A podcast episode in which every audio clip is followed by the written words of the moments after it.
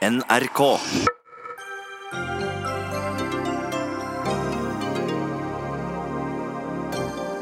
Er norske myndigheter i ferd med å svikte barna til norske IS-kvinner, akkurat som de en gang sviktet tyskerbarna?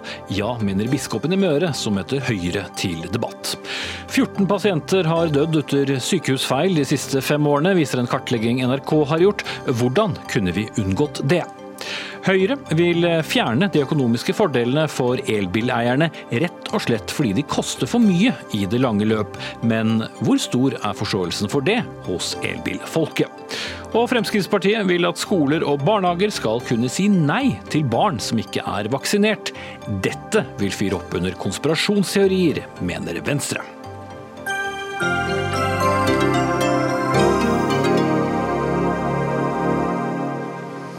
Ja, Da sier vi god kveld og velkommen til Dagsnytt 18 i noen nye omgivelser for dere som følger oss på nett og fjernsyn. Jeg heter Espen Aas. Senere i sendingen skal vi også komme innom eh, saker som eh, at eh, Ulf Leirstein fortsatt er eh, omstridt i eget eh, parti.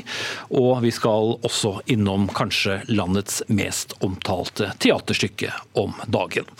Men debatten om hva som skal skje med kvinner som sluttet seg til terrorgruppen IS, og ikke minst barna de har fått under oppholdet i det påståtte og selvutnevnte kalifatet, er blusset opp igjen. I nye rapporter her i NRK har vi sett kvinner og barn i interneringsleiren Al-Hoi som har bedt om å få hjelp til å komme hjem til Norge. Svaret fra norske myndigheter har så langt vært at kvinnene kan komme hjem, men at de selv må sørge for å komme seg ut av leiren og Syria.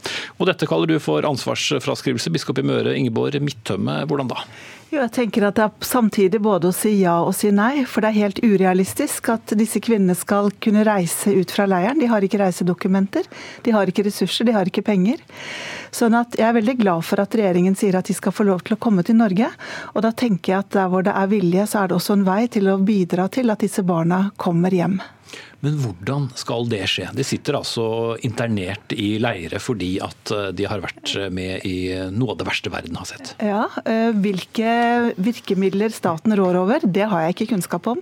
Men jeg tenker at vi har fått til ting i andre situasjoner. Om Norge velger å be bistandsarbeidere eller andre om å levere reisedokumenter, det må staten finne ut av. Journalister har jo nettopp vært der, det er det vi har sett. Sånn at det må være fullt mulig for andre sivile også å reise inn. Mm. Men de har ikke brakt med seg noen ut derfra som har tilhørt IS? Nei, det har de ikke. Men Norge er jo veldig opptatt av de som er utenlandske statsborgere som ikke har rett på beskyttelse i Norge, skal reise tilbake til hjemlandet sitt. Og Vi må jo forvente at Syria tenker det samme, om at utenlandske statsborgere som ikke har mulighet til å, som ikke de kan ta vare på, at de må returneres til hjemlandet sitt. Og Det vil da si Norge i denne sammenheng. Mm. Michael Tetzschner, første nestleder i utenriks- og forsvarskomiteen på Stortinget. Hva sier du til biskopens kritikk om ansvarsfraskrivelse? Nei, Jeg syns ikke den oser av innsikt i det det er snakk om her. for det man er nødt til å forholde seg til det som er reglene, og som også Stortinget har forutsatt og vedtatt. og Det er at det ytes jo hver eneste dag stor innsats for norske statsborgere i utlandet som er i trøbbel. Det som er spesielt her, er at Norge ikke har noen representasjon i området, og at dertil er et krigsområde.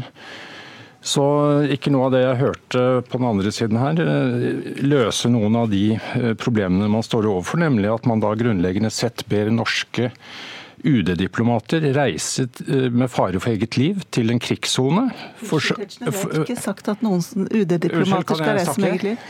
Kan jeg, kan jeg... Ok, fullfør, så skal ja. Komme til. Og, og dertil så, så, betyr det at den norske utenrikstjenesten den driver ikke oppsøkende virksomhet. Så, men det betyr ikke at de menneskene som interneres her, fordi det er jo klart at denne kurdiske geriljaen har territorielt herredømme, så de påtar seg også visse forpliktelser etter folkeretten, så de er ikke rettsløse. Men det som da skal til for å hjelpe personer som er internert som følge av krigshandlinger, det er rett og slett flyktningeretten slik den kan utspilles lokalt. Det er også et, en sak for FN. Og Det kan også være at disse menneskene skal screenes for deres mulige medvirkning til, til forbrytelser mot menneskeheten og terrorisme. Mittø. Ja, og Det er jo helt klart at voksne mennesker skal det. Jeg har vært opptatt av barna. Barn skal ikke skrines for medvirkning til terrorisme. Og jeg tenker at vi må passe på å være prinsipielle, selv om vi er helt uforstående og full av motstand mot det de voksne har gjort. Så er det faktisk barn som aldri har bedt om å bli født. Barn som er norske statsborgere, selv om de ikke har vært i Norge. Og barn som har krav på beskyttelse og omsorg. Og det er jo ikke lenge siden statsministeren var ute og ba krigsbarna etter andre verdenskrig om unnskyldning for den måten de var behandlet på. Og jeg håper at vi kan lære av historien, sånn at ikke vi gjentar den urett som ble begått mot de barna. Er det en lik sammenligning? Nei, det er en meget haltende parallell. for Det var snakk om uh, at man fratok statsborgerskap, og, og det ble begått uh, urett i mange år etter krigen i det norske samfunn. Her er det snakk om at den norske velferdsstaten ikke har representanter der nede, hvilket noen tror at vi har. Uh, dette er nødt til å gå gjennom de vanlige konsulære kanalene, ellers blir det jo en grusom forskjellsbehandling overfor andre nordmenn som også har hjelpebehov. Og så er det jo prinsippet, det, Dette er også personer som har meldt seg ut av Norge, ikke vil ha den beskyttelsen som det er å tilhøre eh, Vesten eller, eller den, den norske staten. Ja, og det er selvfølgelig også sånn at vi har ikke system som gjør at vi kan eh, skal vi si, hooke tak i barna ved utreise og, og, og granske foreldrenes motiver. Selvfølgelig er det, er det en del av foreldreansvaret og også den friheten som foreldrene har over barna, at de også kan påføre dem eh, skade. Og Jeg er sikker på at Utenriksdepartementet også ser på avbøtende muligheter for så snart eh, den sikkerhetsmessige situasjonen er avklart, og, og, og, eventuelt gå inn. Men denne generelle eh, interveneringen som anbefales fra biskopen her, helt uvisst på hvilket grunnlag, det, det er ikke veien å gå. og Ingen av de landene vi vanligvis samarbeider med i slike spørsmål, har inntatt en sånn uh, holdning. Mm. Det, bare ta inn deg noe midt for Det er jo, uh, som Tetzschner vel er på vei til å si, også et av de farligste uh, områdene å reise i, selv om NRK og andre har hatt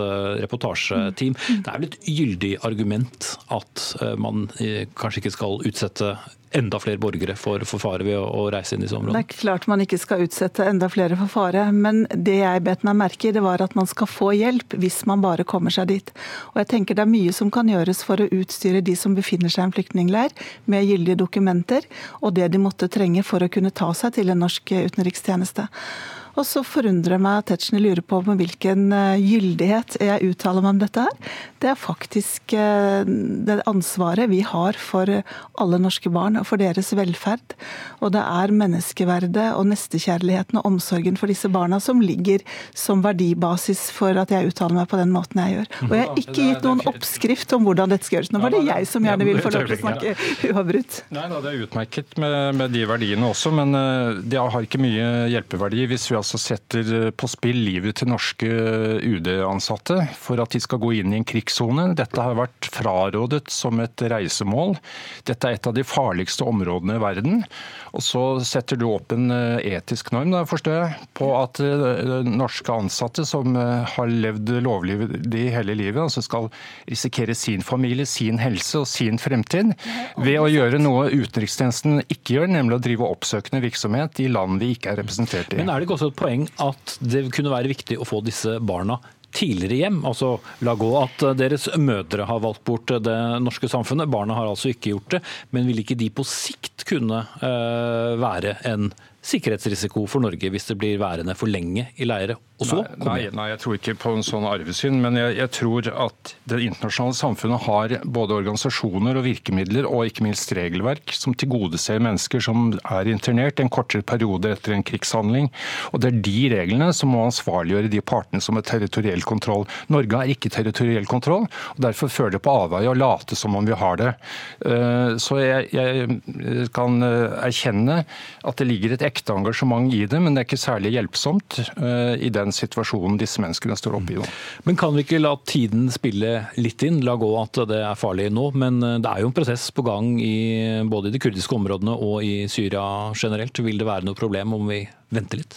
Nei, det vil ikke være problem om vi venter litt, hvis målet faktisk er å utstyre disse barna med gyldige dokumenter, sånn at de har mulighet til å komme ut fra den leiren de nå befinner seg, og tilbake til Norge. Ja, Men det er helt andre spørsmål også. fordi Disse er jo også omfattet av internasjonale garantier. De skal behandles på en spesiell måte etter folkeretten og etter eh, krigens eh, rett. Og Det gjelder å ansvarliggjøre de partene som har faktisk jurisdiksjon over dette området, altså territoriell kontroll. Og Det er også en oppgave for Utenriksdepartementet å gjøre. Så så det å gripe i den enden som kanskje er, er mest forståelig, men eh, den minst hjelpsomme, det er jo den uh, veien som dessverre er blitt anvist herfra fra biskop Nordtømme. Er det letteste for Norge om de aldri kommer hjem? Verken nei, mødre eller barn? Nei, det, vi må tenke på at de universelle menneskerettighetene det gjelder alle overalt, uansett om den lokale staten eller myndighetene har godtatt det. Vi må prøve å få dette inn i et FN-spor. Vi må da sørge for at de gjennomfører en vanlig repatriering som ofte skjer etter at man har intervjuet folk om hva de har vært med på. Og så skiller man Clinton fra Veten. Det er klart at humanistiske motiver er også førende for den retten, og da vil også disse barna ha en fremtid i Norge. Mm. Det er i hvert fall et uh, emne som skaper mye debatt. Takk skal dere ha, Michael Tetzschner, første nestleder i utenriks- og forsvarskomiteen fra partiet Høyre, og Ingebjørg Midtømme, Ingeborg snarere Midtømme, biskop i Møre bispedømme. Dagsnytt 18 alle hverdager kl 18.00 på NRK P2 og NRK2.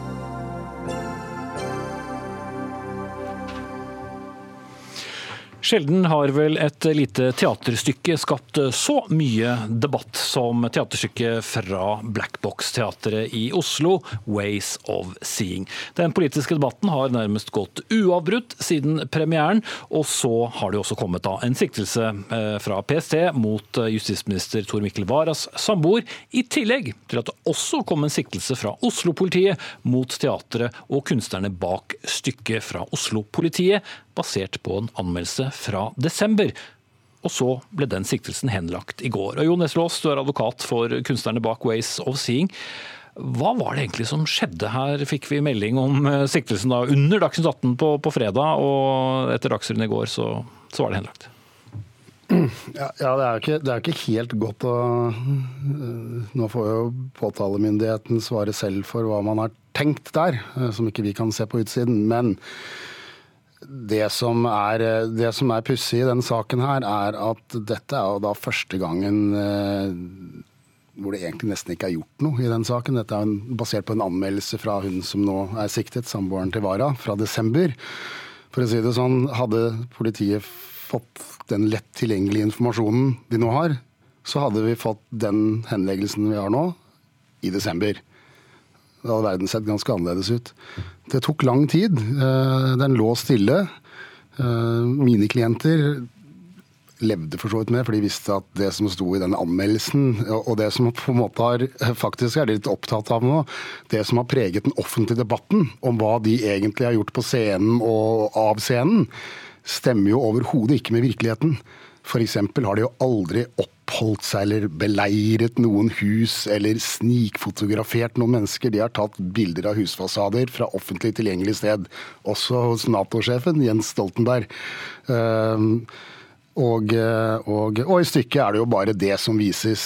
Ikke kalles for så vidt justisministeren rasist heller i stykket. Som, så, så har, de har levd med etter hvert. etter kontroversielt likevel å, å, vise frem, og hun som ja, det, valgte da å, å anmelde dem, gjorde det fordi ikke, hun ble opprørt. Jeg, jeg, jeg, er ikke enig i at det er kontroversielt å vise det sånn som det ble vist. Sånn som det ble beskrevet av hun som anmeldte dem, som nå selv er siktet ja da høres det mye mer kontroversielt ut. Hvis du ser hva som faktisk var der i den konteksten, så er det ikke det. Og det har man men, jo men konkludert med. Men debatten har i hvert fall vært uh, stor. Men for all del ikke alle som har sett stykket. Nei, men det er litt viktig, for det er jo et stykke det dreier seg om. Og, og grunnen til at dette ble henlagt som det er, er fordi det aldri har vært snakk og Det er ikke noe i nærheten av noen straffbare handlinger her. Det er ingen som har sneket seg rundt på eiendommen til noen, eller noe som helst. Det narrativet har blitt liggende der det som var slitsomt for dem. Og grunnen til at jeg kom inn i saken, det var da før det mest dramatiske forrige uke skjedde, det var fordi at nå ville de ha hjelp til endelig å få kvittert ut den. Fordi i offentligheten så begynte det å bli en slags kobling mellom det og det som har skjedd oppe i dette huset i løpet av vinteren, som jo enda ikke er formelt oppklart. Ikke minst pga. hun som er siktet nå, som pekte den veien. Og det var de opptatt av å bli kvitt. Som ikke selv er i Som studio, ei er heller hennes eh, advokat, som er invitert, men ikke har besvart våre henvendelser i dag. Men eh, den var jo likevel veldig overraskende, den vendingen som da kom på fredag. Og hvordan opplevde da dine klienter den vendingen? Fordi de følte vel kanskje at eh, mye av denne saken hadde ja, gått en, en annen retning enn eh, enn det de kanskje først trodde. Jeg kan si det sånn eh, på den måten at da jeg fikk vite om det fra den andre forsvareren, som representerer selve teatret, altså som ikke er ansvarlig for innholdet, eh, fordi han hadde ringt og purret, for i likhet med meg hadde, eh, hadde ikke han fått saksdokumentene som vi skulle fått for mange mange dager før. Og så hadde han fått vite at dette hadde foregått på onsdag. Da jeg forklarte det til klientene mine med den kunnskapen jeg hadde, så sa jeg dette her må være et arbeidsuhell, dere kan ta det med ro. Dette skal vi løse eh, senest på mandag i helgen. ikke engang så langt. Det gikk ikke så langt. Men er, er, det, er det det det var? Et arbeidsuhell? Altså jeg, vil, jeg vil nok kalle det det, ja. Ehm, Det, det er jo altså Når man trekker tilbake alt sammen på den måten, så det er jo ikke det fordi noen har truet dem til noe. Det er jo fordi man har fått frem hva denne saken dreier seg om. Og vi ser jo at den statsadvokaten som i februar beordret dem til å foreta noen etterforskningsskritt, har i hvert fall ute i media selv sagt at gang, han, har, han har ikke hatt noe kunnskap om forestillingene, hva den inneholdt. Han forholdt seg utelukkende til anmeldelsen fra hun som ikke er her til å forsvare seg, men det, det var hun som innga anmeldelsen. Det får hun i hvert fall stå for her. Han holdt seg utelukkende til den. Ja, og ikke det større bildet? Ja, ikke til noe bilde i det hele tatt. Eh, fordi han har, de har aldri fått noen forklaring fra mine parter på noe tidspunkt. Altså, det har først eh, skjedd nå. Så, og her har nok jeg tror de, de forsvarer for seg selv, men, men, men jeg tror det har gått litt fort i svingene. En, eh, en politiadvokat som har fått en sak og arvet den. og eh, skal foreta Men dine klienters ja. forhold til hele den debatten og beskyldningen, altså legger de nå denne saken bak seg og er, er, er ferdig med sin, sin rolle i dette? Ja, nå er den, den er, de er jo endelig frifunnet, renvasket sånn sett. Eh, Jeg tror ikke jeg her skal love at ikke man skal se på hva som har skjedd, for jeg mener at den store, store feilen her, det er at ikke dette her ble avklart allerede i desember. De har måttet da gjennomleve nå flere måneder, og særlig den siste måneden, med et press hvor folk har begynt å tenke er det de som står bak disse brannene osv. Og, så og det er det virkelig ikke. Eh, De har aldri vært mistenkt for det. Eh, Det er det jeg sier. Jeg tror ikke jeg her i studio skal foregripe dette. Nå har det vært viktigst for dem å få dette ut av verden. Det har vært ganske dramatiske dager for dem. Det har vi fått nå. Og så får man eh, ja, litt kaldt vann i blodet og se på det. Det er noe, det er ikke grunn til å forhaste seg med slikt. Ok, Takk skal du ha, advokat Jon Wessel Aas. Og som nevnt, eh, forsvareren til Varas samboer, Jon Christian Elden, ble altså invitert til studio, har ikke besvart den henvendelsen. Også i dag har vi invitert statsminister Erna Solberg for å svare på den kritikken hun har fått for sine uttalelser i saken, men hadde heller ikke i kveld anledning til å delta.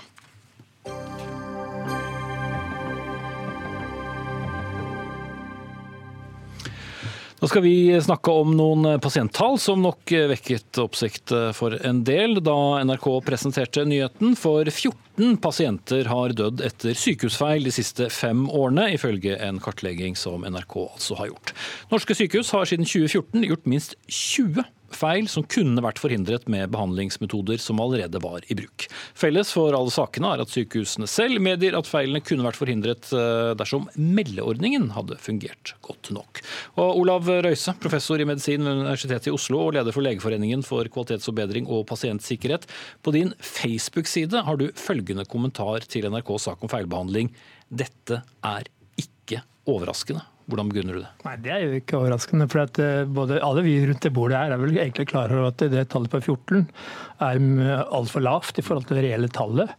Det er jo faktisk eh, 639 meldinger til Helsetilsynet om dødsfall eller eh, alvorlige skader eh, på pasienter siste året. Slik at eh, tallet er jo svært lavt i forhold til det reelle tallet. Som kan være hvor høyt da? Ja, det kan altså minimum altså mellom 500 og 1000 i hvert fall, vil jeg nesten tro. Fordi det er en underrapportering her som er ganske stor også, og av mange ulike årsaker. Men det er jo oppsiktsvekkende da at det er så stor diskrepans mellom eh, de offisielle tallene og de tallene du nevner. Ja, Det er jo veldig overraskende at man ikke liksom klarer å finne fram til tall som er mye større enn dette. For det tror jeg vil faktisk du vil kunne finne også hvis du tok kontakt med Helsetilsynet. Mm. Bent Høie, eh, hva forteller eh, disse tallene deg? Nei, Det forteller seg det som jo eh, vi vet eh, at vi har store utfordringer med jobb, hvordan måten som vi jobber med pasientsikkerhet og kvalitet på. Mm. Hvor er hemskoen? Ja, det, er, det er på mange områder, men det handler i realiteten om tre forhold. Det ene er ledelse. Det er nødvendig at kvalitet og pasientsikkerhet kontinuerlig oppfattes som et sentral oppgave for ledelsen på alle virksomheter. Det andre er kultur, eh, spesielt knytta til kultur knyttet om åpenhet. For en forutsetning for å lære av feil er at en er åpen eh, med feil. Og det tredje Og det er ikke? Eh, i tilstrekkelig grad. Og det tredje er knytta til system. Det at en har gode nok systemer til å fange opp og jobbe med feilene. Derfor har jeg grepet fatt i alle disse tre forholdene og gjennomfører nå ganske omfattende endringer for å, for å, forbedre dette. Fordi det er helt riktig som sier, de offisielle tallene på dette området viser at det er betydelig flere enn de sakene som NRK fortjenestefullt har gått inn i, eh, som, som, er reelle dødsfall som kunne vært unngått i helsetjenesten eh, hvis alt hadde fungert sånn som det skulle. Mm. Ingvild Kjerkol, helsepolitisk talsperson for eh, Arbeiderpartiet. Du er sikkert heller da ikke overrasket eh, over tallene, men kunne ting vært gjort på en bedre måte før vi kom hit? Ja, og det som bør gjøres på en bedre måte, det er at en feil bare skjer én gang. Eh, sykehusene må lære av feilene. Så de gjør de samme feilene om igjen? Ja. Og det viser jo den saken som NRK har laga, at her var det jo feil som var avdekka på andre sykehus. Eh, I noen av tilfellene var det laga såkalte læringsnotater for hvordan man kan unngå det, og så skjer det likevel. Eh, og det er det ingen grunn til. Så det at man har meldeordning, samler inn informasjon og får disse tallene, som det riktignok er litt uh, usikkerhet om hva som er de reelle tallene, men Fram til da så stopper det. For du må jo omsette denne kunnskapen i en forbedring. Det må skje en endring på tvers av sykehus, på tvers av avdelinger.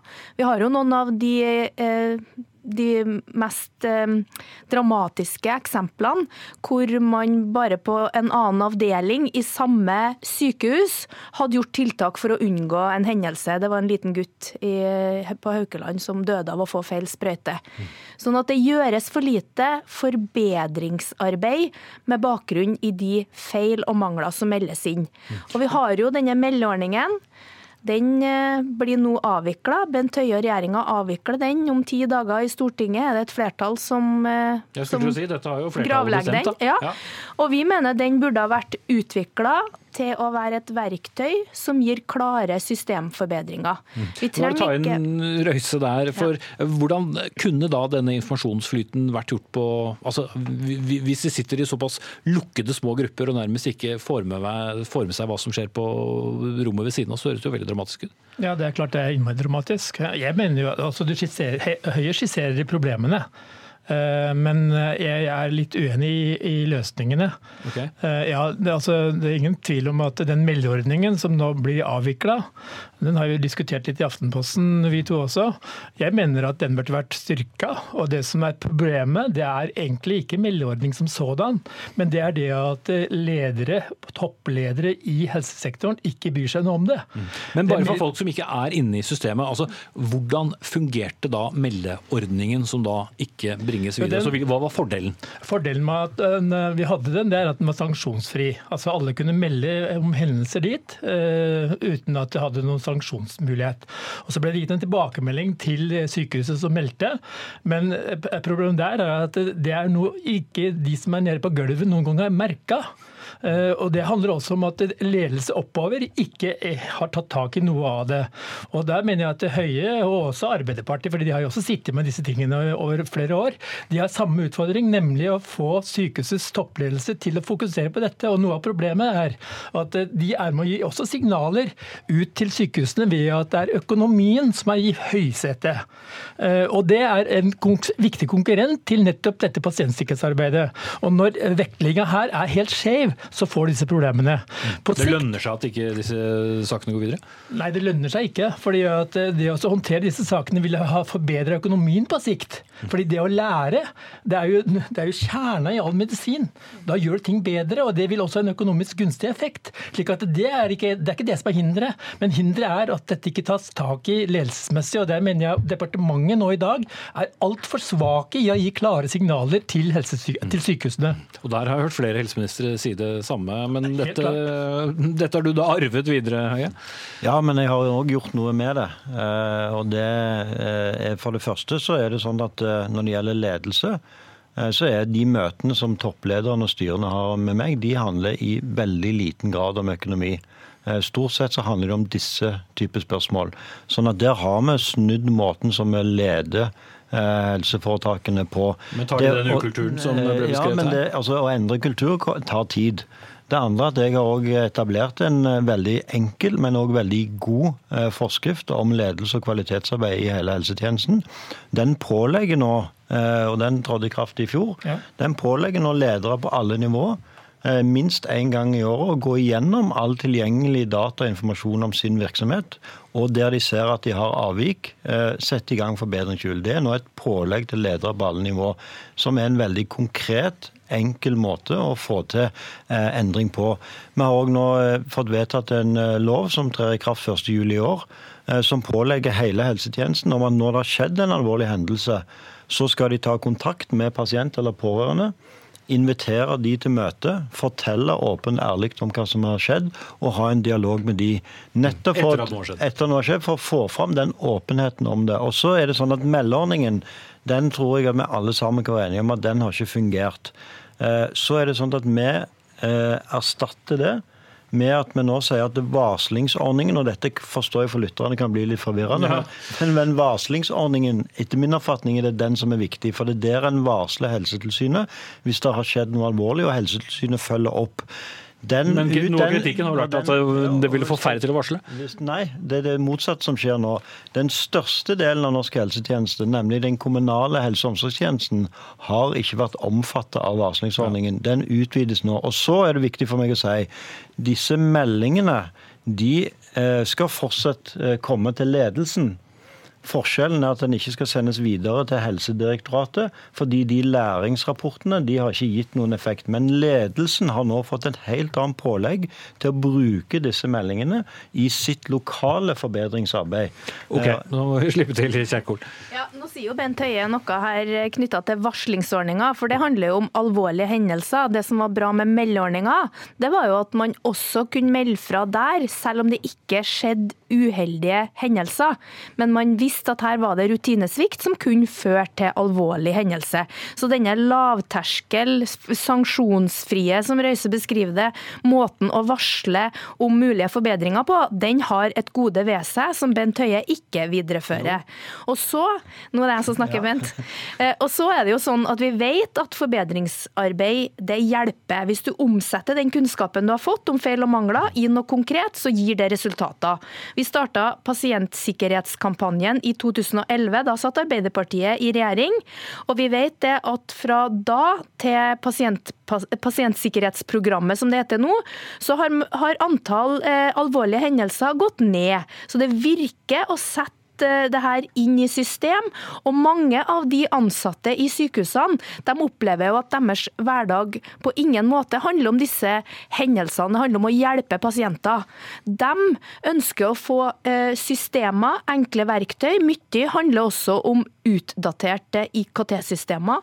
Muligheten for å gjøre det her systematisk gjennom eh, moderne digitale løsninger. Det, der har heller ikke Bent Høie vært eh, opptatt av å gjøre forbedringer. Alt du mener Bent Høie ikke har uh, tatt opp nå. La oss holde, holde, la, la oss holde til ho hovedproblemet. Ja. Uh, altså Når noe skjer, og også at pårørende da føler de har et sted å gå. For ja. det er vel også et poeng her. Det er også et poeng. Men du må gjøre noe konkret med den informasjonen du samler inn. Og der har ikke Bent Høie vist til noen alternativer. Bare høre Røise først. Ja, jeg mener også at det er, det er ikke en ordning som konkurrerer med det Høie har innført, nemlig at alle også i primærtjenesten skal varsle.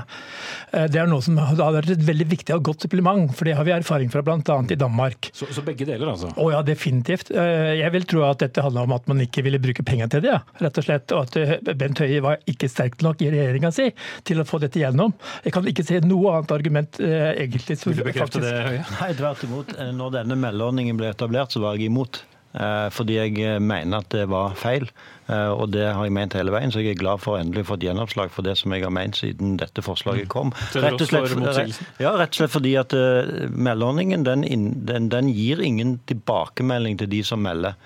De som melder, sender inn en melding anonymt. Det er en stor mengde Eh, meldinger som eh, blir etter hvert eh, ender opp i noen få læringsnotat. Du sier at enda flere skal melde nå? Blir det enda nei, tvert imot. Det er det som er det viktige her. for Nå, nå blander programlederen mellom meldeordningen og varslingsordningen. Meldeordningen er en ordning der helsepersonell kan melde inn i et stort system. De gjør det anonymt. De får ingen systematisk tilbakemelding. Det lages noen få læringsnotater som har vist seg ikke har noen effekt. Meldinger til sin lokale ledelse om hendelser som kunne ført til eh, svikt. Det skal fortsette. Det går det an å ta tak i. Det skal en forvente en konkret tilbakemelding på. Så utvider vi varslingsordningen til å gjelde kommunehelsetjenesten. I tillegg så, så gjør vi, så blir det flere som har mulighet til å melde? Og, og, ikke minst så utvider vi òg til at pasienter og pårørende nå får rett til å varsle. Det er ikke bare de som jobber i helsetjenesten. Og Dessuten så etablerer vi en uavhengig undersøkelseskommisjon for helsetjenesten som skal gå inn i alvorlige saker og nettopp se på hva var det i systemet rundt som svikta. Dette er Arbeiderpartiet imot, men jeg mener at det er en vesentlig del av å få endra kulturen i norsk helsetjeneste. Men det har mange vært også uenig i. Utfordringa her er jo ikke at man ikke samler inn data om hendelser, feil og mangler. Utfordringa er jo at man gjør ikke noe for å forbedre det. Man lærer ikke på tvers mellom sykehus, mellom avdelinger. Og nå har Bent Høie vært helseminister i over seks år med en meldeordning som han da mener ikke har fungert. Vel, han har vært helt fri til å kunne utvikle det her til å være et verktøy som gir en, en forbedringsmekanisme i helsetjenesten. Den muligheten har han ikke benytta seg. Det han foreslår, det er flere som skal samle inn data. Pårørende skal varsle, flere varslingsrutiner. Hva, hva gjør du med det som kommer inn? det vi trenger, er jo måter å omsette i forbedringer. Røise sier helt til slutt på hva er det du vil se nå? Eller kan, kan du si allerede nå at det nye systemet ikke fungerer, eller kan du på et litt senere tidspunkt ja, det, det, eh, Bent, klare målet. Det Bent sa om eh, den ordningen her som nå avvikles, han sa noe om kultur er noe av utfordringen, og det er meldekultur. Denne ordningen har i hvert fall den effekten, altså sanksjonsfrie, at vi har fått opp meldingene til eh, disse registrene våre. Og så har problemet vært at man ikke har tatt tak i den informasjonen og brukt den ordentlig. Og da mener jeg at departementet kunne ha bidratt til faktisk å bruke det. Men den nye ordningen kan gjøre i hvert fall den delen bedre? Eller? Nei, den nye ordningen sikrer at eh, primærhelsetjenesten også kan få ting inn. Men vi mister den sanksjonsfrie ordningen som kunne vært med å bidra til en, enda flere melder ut, eh, altså uten å være eh, redde for det. Mm. For vi har problem knytta til det. Dessverre. Det må bli siste ord. Jeg hører vi kunne holdt på et eh, kvarter til. Takk til eh, Ingvild Kjerkol, helsepolitisk statsperson for Arbeiderpartiet. Bent Høie, helse- og omsorgsminister fra Høyre. Olav Røise, professor i medisin ved Universitetet i Oslo og leder av Legeforeningen for kvalitetsforbedring og pasientsikkerhet.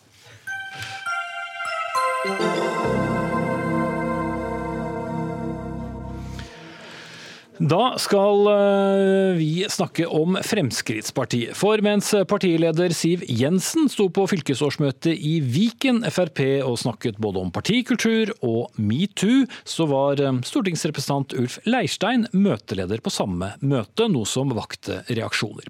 Ifølge Dagbladet skal flere i partiet ha reagert kraftig på at Leirstein fikk lede møtet så kort tid etter metoo-sakene mot ham. Leirstein trakk seg eh, fra eh, flere verv etter å ha foreslått trekantsex med en 15-åring overfor et kvinnelig partimedlem, og for å ha delt hardpornografiske bilder med en 14-åring på PDF. Og En av dem som reagerer er deg, eh, Maria Madeleine Knutsen. Du er tidligere nestleder i Østfold FrPs ungdomsparti, og er med oss fra Fredrikstad. Du sier til Dagbladet i dag at du ikke håper noen sender barna sine til Frp så lenge Siv Jensen ikke gjør noe for å stanse Leirstein. Er det så utrygt? Mm -hmm. Det er det. Fordi eh, de har en stortingsrepresentant som har sendt porno til en gutt, et barn på 14 år. De har en stortingsrepresentant som har sendt tekstmeldinger hvor han har spurt en dame hvilke FPU-ere hun kunne tenke seg å ligge med. Eh, han har ligget med tillitsvalgte og i trekanter og skrytt av det. Og det har gått ett år siden alle avsløringene, og det har ikke blitt stoppa. Men ja, for vi går, La oss ikke gå inn i alle detaljer, men hva bebreider du partiledelsen for? ansvarsfraskrivelse. Når Siv Jensen bruker ord som at hun har tillit til at fylke- og kommuneslagene skal ta ansvar for om Ulf Leirstein skal renomineres, så har ikke det noe med tillit å gjøre, det er ansvarsfraskrivelse. Men han har jo beklaget forholdene flere ganger, og trukket seg fra tillitsvervene. Ja, beklager. Beklagelse, det gjør jo ingenting. Det er fint at han beklager, skulle bare mangle. Og Man kan sikkert tilgi Ulf Leirstein også som privatperson, men som stortingsrepresentant, som er det øverste folkevalgte tillitsvervet vi har i Norge, der er han diskvalifisert for stillingen. Det burde Siv Jensen også være enig med meg i. Siv Jensen takker nei til å delta her, men viser til deg, Alf Erik Andersen. Du leder organisasjonsutvalget i Fremskrittspartiet og er med oss fra Kristiansand. Er du enig i, eller har du forståelse for, kanskje heller burde si, at noen vil føle det utrygt å sende sine barn inn i Fremskrittspartiet? Det skal ikke være utrygt å, å sende verken barn, ungdom eller andre medlemmer til våre arrangementer.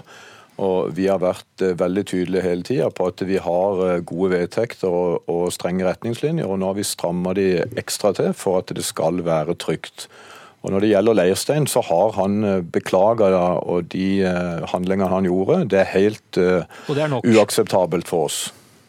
Men det er nok slik at det er helt greit da å være f.eks.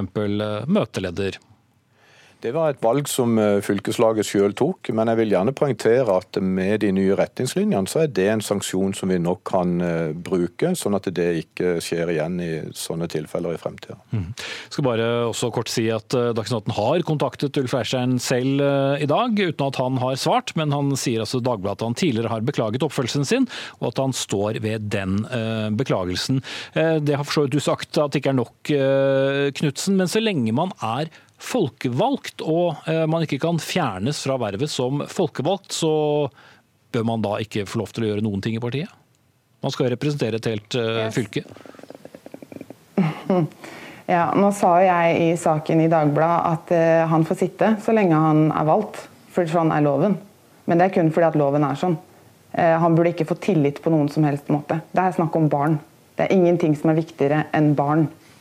Og det, jeg skjønner ikke at det her er en sak. Jeg skjønner ikke hva er det eh, en person i Frp må gjøre for å få sanksjoner. For en beklagelse det holder ikke når man har sendt porno til barn eller vært en utrygghet mot unge mennesker som har lyst til å delta i demokratiet. For Hvis unge mennesker ikke føler seg trygge på en politisk arena, hva har man da? da? Politikerforakt. Da har man folk som slutter å delta. Hvorfor stoler du ikke på at eh, partiene har ryddet opp? Fordi det, det er jo bare ord. Nye retningslinjer, så fint, men de har jo gått ut i Dagbladet i dag og sagt at det gjelder ikke Leirstein. Hvorfor kan ikke de gå ut og gjøre eksakt det Erna Solberg gjorde mot Christian Tonning Riise? Hun gjorde det klart og tydelig at hun kom til å blande seg inn i en eventuell renominering. To dager etterpå eller hva det var for noe, så gikk han ut og sa at han kom ikke til å stille til gjenvalg. Hvorfor gjør ikke Siv Jensen eksakt det samme? Hun har mulighetene, hun velger å ikke benytte dem. Det er ansvarsfraskrivelse. Andersen. Altså, nå tar vi ikke opp eh, de sakene som allerede er avgjort. Leirstein har ingen tillitsverv i dag. Og Jeg har lyst til å poengtere at eh, både lokallaget og eventuelt fylkeslaget som skal vurdere å renominere han, må vurdere den tilliten hans på nytt. De vil heller ikke stille eh, til debatt. Men du har du forståelse for at det sender et uh, visst signal, og at det er en viss forskjell med hvordan Høyre har håndtert denne saken, eller sine saker, og hvordan Fremskrittspartiet har håndtert denne?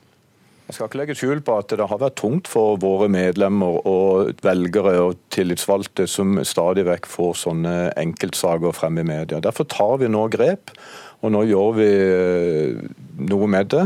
Vi eh, har lagt inn noen sanksjoner som er ganske tydelig, eller jeg vil si veldig tydelig. Sånn at nå eh, så aksepterer vi ikke sånne typer handlinger. Og disse retningslinjene de trer i kraft fra nå. Mm. Men kan det få konsekvenser for eventuelle nominasjoner ved f.eks. Neste, neste stortingsvalg?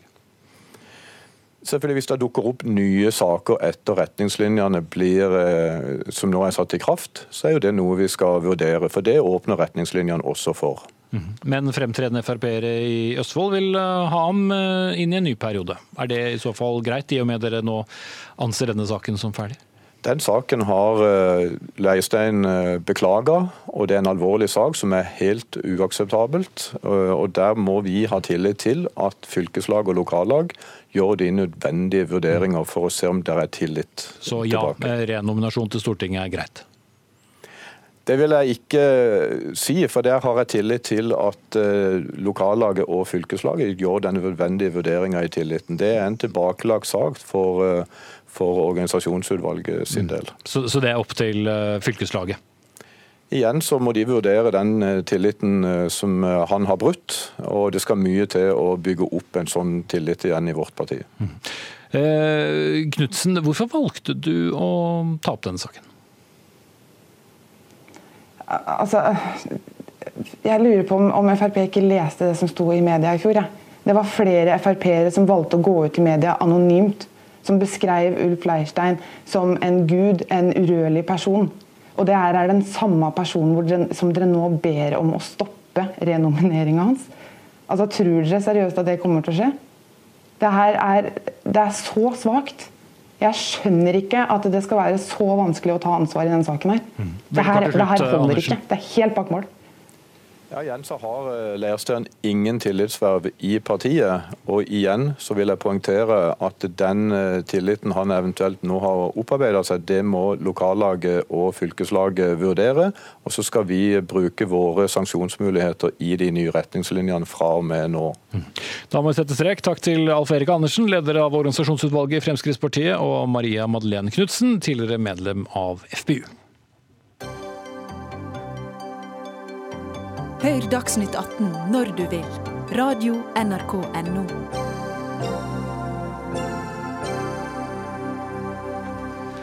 Momsfritak, gratis parkering, gratis lading, knapt noen avgifter eller bompenger. Listen over økonomiske fordeler ved å være elbileier er lang og god.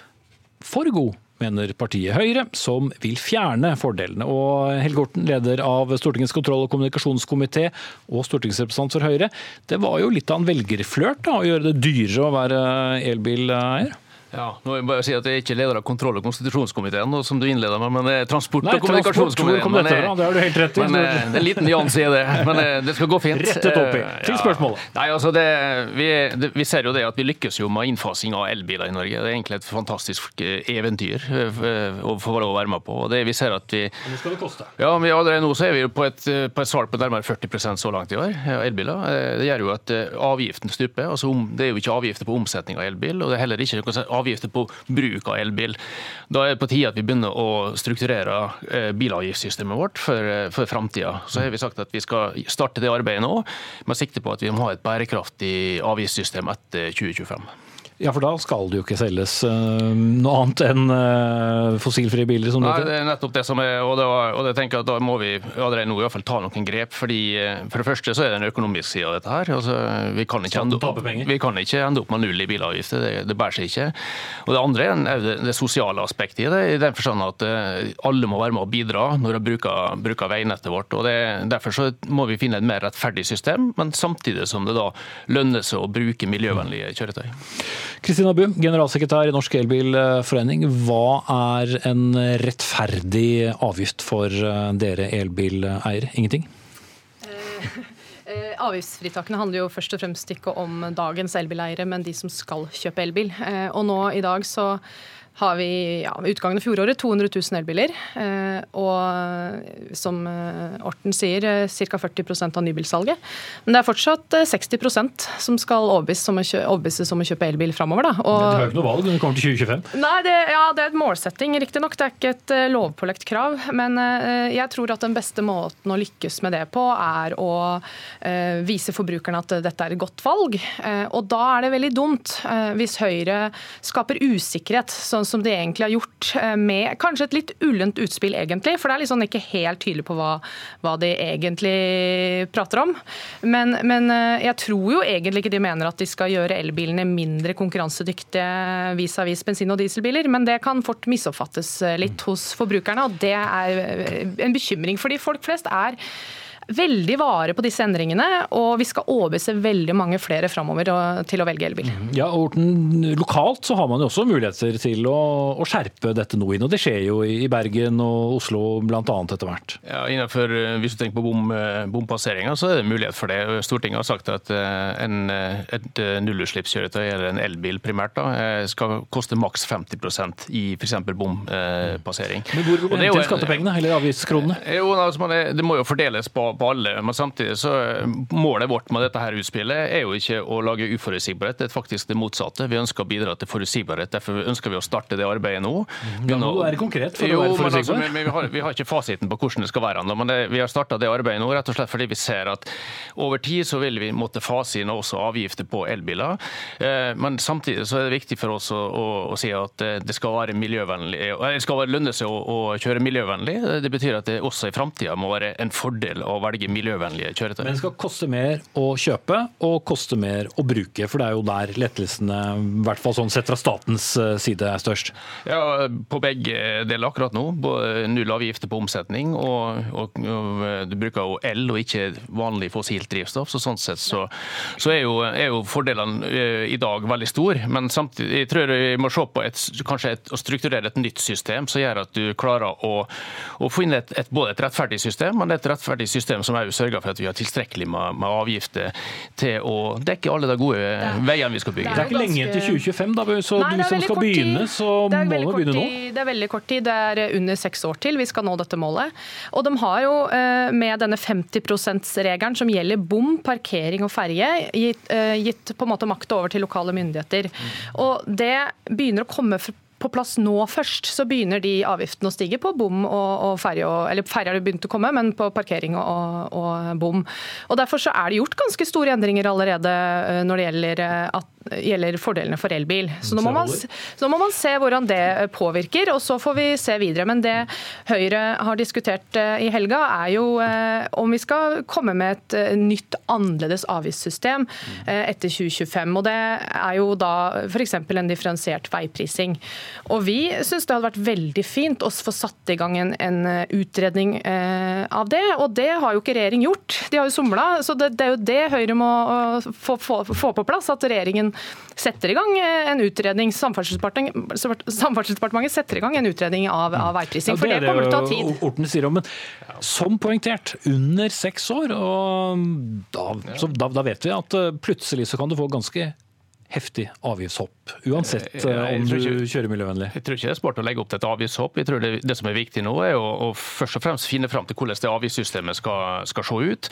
Deretter sørge for at vi har en forutsigbarhet i innfasinga av det, slik at det, det er forutsigbart både for den hele bilbransjen, men også for den som skal, skal kjøpe. Du har kanskje en idé om noe av hva som eh, kan skje, eller er det helt åpent? Jeg, jeg, tror, jeg tror Bru er inne på, på, noe ganske vesentlig, fordi eh, vi kanskje i større grad må beskatte bruken av bilen eh, på en, på en både en mer differensiert måte, både ut ifra hvor langt du kjører, hva type bil du kjører osv. Ja, det, kan, altså, det finnes mange slags teknologier for å løse dette, her, men, eh, men jeg tror at vi i alle fall må ha et system som, som, gjør at du får en mer differensiert beskatning av bruk av bil. Mm. Det er også litt viktig å huske på. altså nå, eh, Forrige fredag så var det over, over ja, par millioner ungdommer som marsjerte i gatene verden over. Og fredag denne uka så forventes det å være flere, mange tusen i Norge som, som, går i tog. Og Det er en grunn til det, og det er jo at vi har nødt til å gjøre drastiske grep for å få kutt i klimautslippene, og vi må gjøre det så raskt som overhodet mulig. Og Da er det faktisk sånn at eh, å gjøre det koster noen penger. Eh, skal vi lykkes med klimaomstillingen, så må vi også bruke noen penger på å få det til. Og I Norge så er det transporten spesielt som vi må har en løsning klar for, og vi bare må sette i gang og gjøre. Og Da er det i hvert fall utrolig viktig at de signalene er veldig tydelige fra politisk hold overfor oss forbrukere, sånn at vi vet at det skal lønne seg å velge nullutslipp. Vi må også huske på at det å bruke elbil fortsatt krever noe ekstra av forbrukeren. Det er ofte glemt litt i debatten. Du må planlegge reisa, spesielt når du skal på en lengre tur. Det er køer ofte ved hurtigladestasjoner. Det krever noe mer av deg, og da er det veldig viktig at det er et veldig tydelig signal fra dere på at dette skal lønne seg, og det er det, det, dit vi vil, da. Mm. Jeg tror det er et ganske veldig godt signal. fordi For det første så må vi som vi snakket om, ha et bærekraftig avgiftssystem, men samtidig så må vi fortsette å stimulere til den omsetninga av, av nullutslippskjøretøy som vi ser nå. Men det er vel besparelse med renere luft i byene, færre syke, færre sykedager. Burde ikke det også jo, men det, det, det, må jo være en premiering av de som velger miljøvennlig. Altså, det, klart det skal, mindre? Ja, men De må i hvert fall fordele byrden med likt, for det har kostnader også å bruke en elbil eh, for samfunnet. Fordele det likt, da er det ikke noen fordel? Nei, men ikke likt i den forstand. Altså, mer rettferdig, da. Eh, men altså, poenget er at også elbileiere på sikt må være med og betale for bruken av veien, for ulykkeskostnader, alt det som på en måte hører til inn under avgiftssystemet. Sånn at i, i, sum så må vi finne en, en måte som både differensierer på, på miljø, sørger for at alle er med og deler på regninga. Og så at den er differensiert både ut ifra hvor mye du kjører, og hvor, eh, hvor, kanskje hvor du kjører, faktisk. Og likedan på, ikke minst på det å velge miljøvennlig. Veldig kort til slutt, eh, Bu. Eh, du tåler å være med på at også dere må betale for veibyggingen? Absolutt. Eh, vi forstår at eh, det kommer til å måtte komme endringer etter hvert, men det må komme i tråd med konkurransedyktigheten hos elbilene. Så vi har foreslått at man kan begynne å trappe opp eh, momsen når vi har nådd en 80% markedsandel. Vi tror vi kommer til å nå 50% allerede i år, så det er ikke så veldig lenge til vi når 80. Det må jo skje før 2025. Vi får se hvor mange Helge Orten nå har skremt til å foreta dette elbilkjøpet litt tidligere enn planlagt. Takk skal dere ha, Helge Hjorten, leder av transportkomiteen på Stortinget, og Kristina Bu, generalsekretær i Norsk Elbilforening.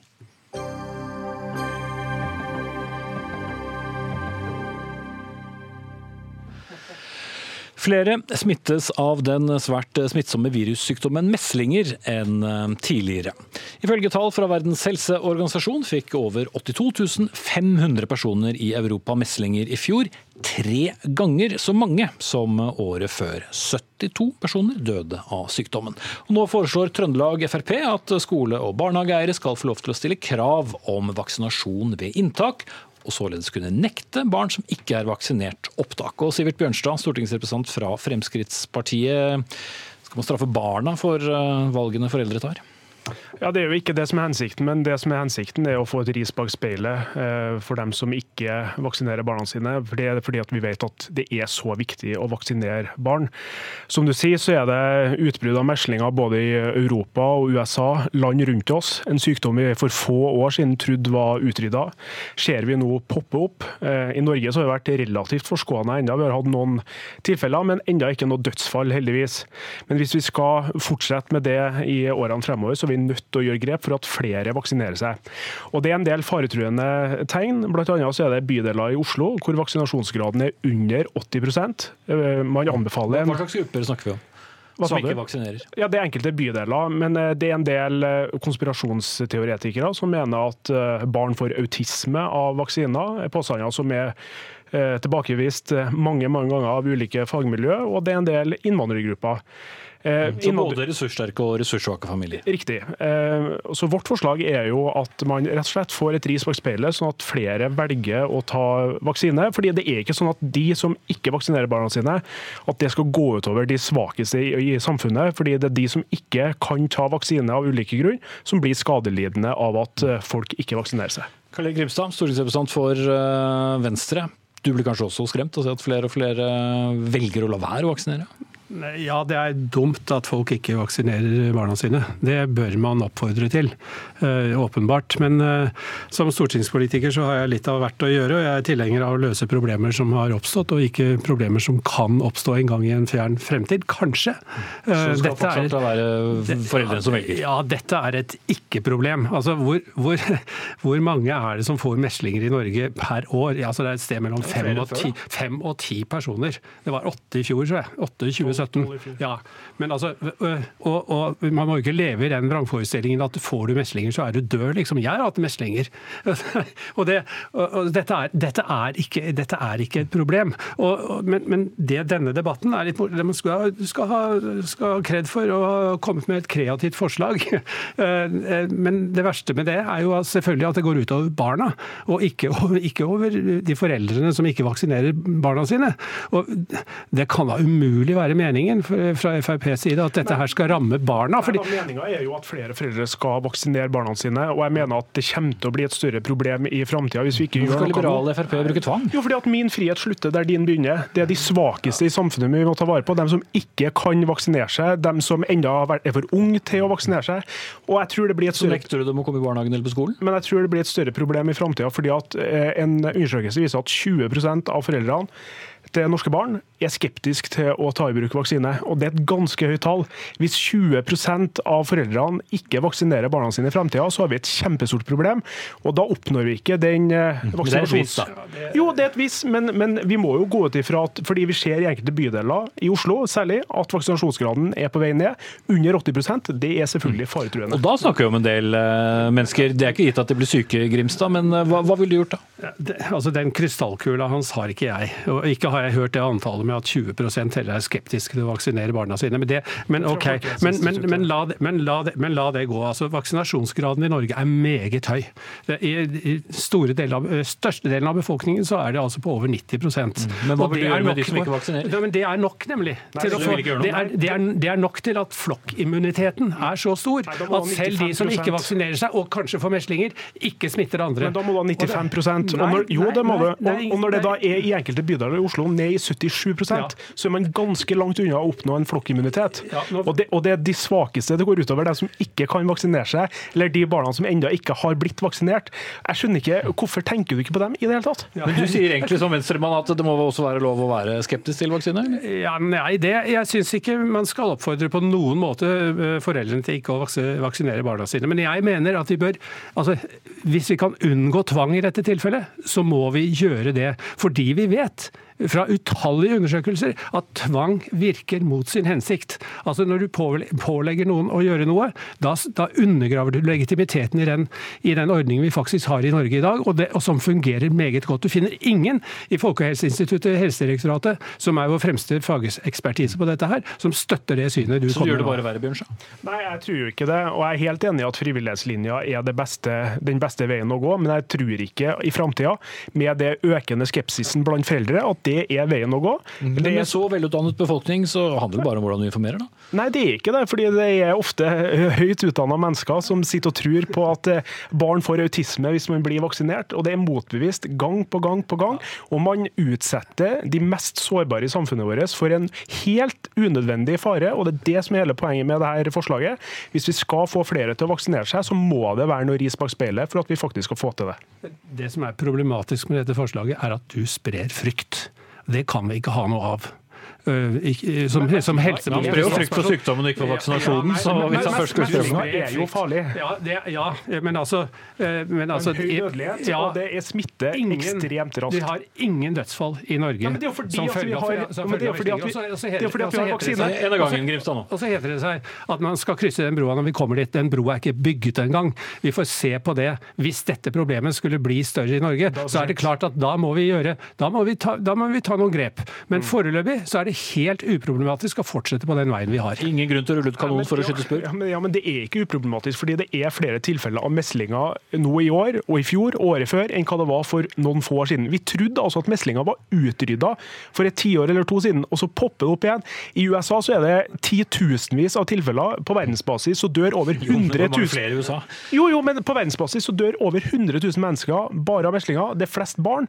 I Norge så døde eh, omtrent fem til ti barn hvert eneste år før vaksiner. Det viser jo bare hvilken god effekt vaksiner har hatt. Men hvis vaksinasjonen får mindre og mindre tillit i befolkninga, så betyr det at de, den situasjonen kan komme tilbake i Norge. Ja, jeg ønsker jo egentlig ikke å gå til tvang, men når vi ser at færre og færre enkelte steder tar, eller eh, velger å ikke ta vaksine, så må vi gjøre noe. Eh, når det er ned 77% i enkelte bydeler, i Oslo, så må man ta, eh, ta, grep og gjøre tiltak så at flere vaksinerer barna sine, så at vi beskytter de mest sårbare. I mai så har dere landsmøte i Fremskrittspartiet. Da skal dere ta stilling til dette forslaget, og så får de se om de er mest enig med deg, Sivert Bjørnstad, stortingsrepresentant fra Fremskrittspartiet, eller Karl Erik Grimstad fra Venstre. Denne sendingen er ved sin veis ende. Ansvarlig for den, Fredrik Lauritzen. Marianne Myrhol tok seg av det tekniske. Jeg heter Espen Aas. Vi er tilbake igjen i morgen.